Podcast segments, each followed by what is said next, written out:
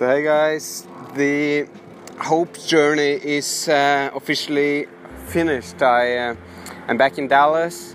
I I thought actually I was gonna be back in Dallas yesterday, um, back at McKinney where I I live. Uh, but I decided to yeah take the night uh, another time in my car uh, at a petrol station in Fort Worth, and uh, I went there uh, to sleep. In the morning, I went to the stockyard, which is a great old part of uh, Fort Worth. it's it's really cool area. They have a lot of old cowboy style. Um, you know saloons uh, barbecues uh, they even have you know horses or cattle you can step on so or jump up on the back of so it's pretty cool. Um, so i had a nice uh, ride a great way to end my hope journey. I, um, I from there i went to um, the rental car center to deliver my car. I got picked up by jim uh, my host. So um, it's it's been just uh, a great journey, great experience.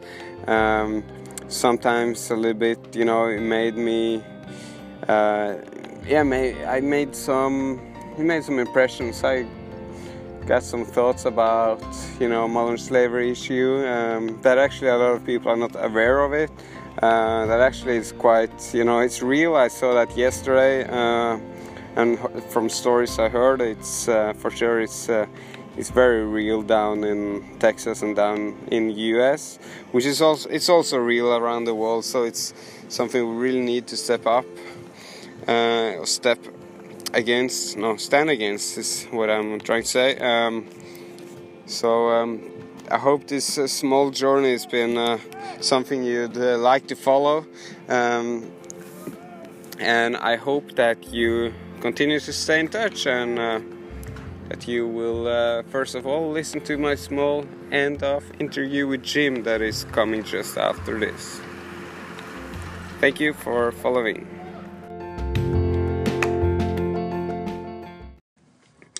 All right, so now we are in Fair Park in Dallas and uh, just finished um, Thursday night crit.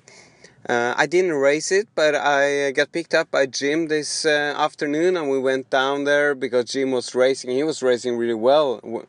Did you feel good, Jim? Yeah, I actually, uh, my stomach didn't feel too good today, but the legs actually showed up, so it was good. I uh, I won a cash preem and ended up uh, placing second, so it was a good night for me. Yeah, it was actually fun to see the race, and uh, of course, I preferred to ride myself, but I mean, it's a different experience, and uh, it was cool to see you up there in the front the whole race, pushing it, and uh, in the end, even yeah, got a podium. So it's it's good. Yeah, I knew I knew you were watching, Jonas. So I couldn't let you down. Oh, that's I had good. To dig deep. It's good to hear, and um, I, I, want to talk with you also, Jim. We we did already have a race recap from another um, from the first race, uh, Thursday night crit race, and now I want to ask you a little bit about the modern slavery because I know that you are um, engaged in this matter. You know about a little bit about how it is in the U.S. You ride rode with me in uh, Vietnam and Cambodia. Yes, so uh, we met for the first time in Phnom Penh, Cambodia, where uh, Jonas and I participated in the Extreme Challenge Vietnam and rode mountain bikes from Cambodia to Vietnam and got to know you there. Um, we share a lot of passions. We share a passion for Christ. We share a passion for bicycles, and we share a passion to end modern slavery. So we got to talk a lot about that. Uh, we got to spend time with uh, Ben Cooley and the team from uh, Hope for Justice, and just uh, really highlight some of the the atrocities of modern slavery that are happening everywhere, uh, not just in Cambodia and Vietnam, but right here in the United States. And uh, I just did this hope journey and tried to raise a little bit awareness on uh, on the subject. And uh, I realized not everyone knows about even the name of the modern slavery, in the world. They haven't heard about it. Yeah, I think um, I think in our, our modern society, you know, Western civilization, we we we have all these comforts of air conditioned houses and electric cars and 500 cable channels to watch and and we we get so comfortable, you know, going to our jobs and working that that we don't see modern slavery that's taking place right underneath our noses, and kind of what Jonas and I have been been felt led to do is to help shine a light on some of this that's happening around us. Um, just just in the last couple of years, I mean. Um, I have a friend on my, my cycling team that just he's a uh, works with police officers and has been running uh, some some lectures on how to spot modern slavery. You're seeing the law enforcement get more involved. Um, you're seeing citizens that just that you know men and women that have young children that aren't going to stand by and, and allow modern slavery to exist in our modern societies. And the more we talk about it, the more awareness we bring to uh, to this human tragedy, I think people will be moved uh, to act. But if we don't if we don't shine a light on it, people will they, they won't do anything. Uh, so just talking about it, asking people if they've heard about modern slavery, uh, the more you talk about it, you'll start to spot um, articles online. You'll see people on Facebook post stuff, and you'll you'll see that it's happening. And the the more we shine a light on it, the more voices we bring to it. I think uh, we could end modern slavery. Yeah, it's great to hear. And, um, you know, uh, wasn't it just a, a case uh, in the media just uh, a week ago or something? One of the heads of one of the American football teams were caught in some kind of. Uh, yeah, so, so it was um, it was actually uh, it's going to go to court, but it was the um, it was the owner of one of the NFL uh, franchise teams of the New England Patriots, and that owner was arrested for uh, going to a massage parlor, and it turned out that the women that worked there were were trafficked. They were uh, part of a human trafficking ring. Um, we had in, in Dallas, Texas, where we are right now, uh, we hosted the Super Bowl uh, a few years back, and and that's where I really started to hear it because what happens is when the Super Bowl, a big event, it's it's the the, the big sporting event of the year uh, what happens is these human trafficking rings will bring uh, prostitutes in and force them to work while all these men are coming in to watch this uh, sporting event throughout the whole week.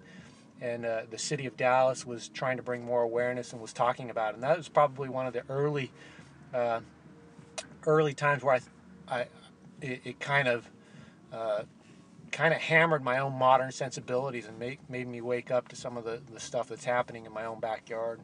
Mm.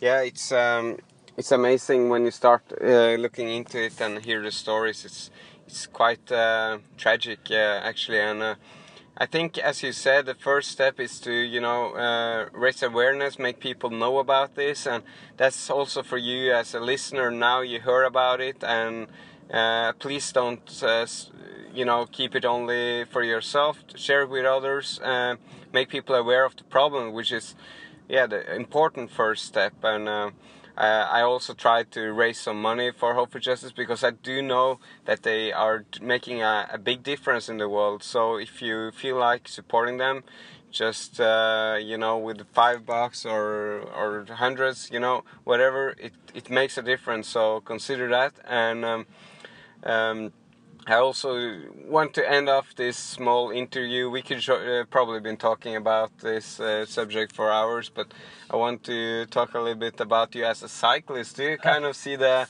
relationship between cycling and modern slavery? Is there some kind of? Uh... I I think uh, the the thing for me is is I I love to see people live with passion.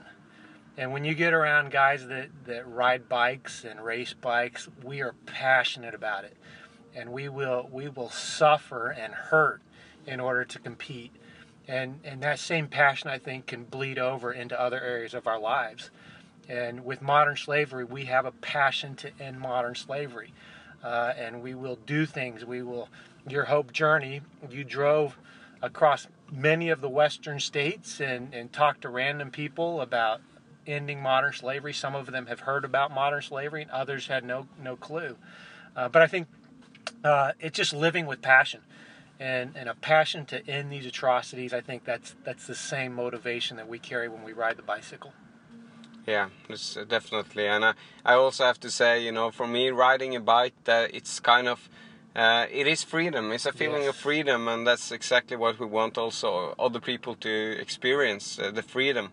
So um, I think it's uh, yeah just a great way to be on the bike while also trying to uh, make people aware of the problem, and so we together we can end the modern slavery. That's so right. um, it's gr- uh, great talking to you, Jim, and. Um, we're gonna end uh, the interview there. Uh, we, as I said, we could have been talking for hours, um, and we j- kind of just started already with uh, with uh, yeah the fight to end modern slavery. So um, uh, I hope you, as a listener, also get involved. Uh, you can make a difference. So um, so I hope you um, take that challenge and uh, yeah. Uh, I'll end it there. Thank you for listening.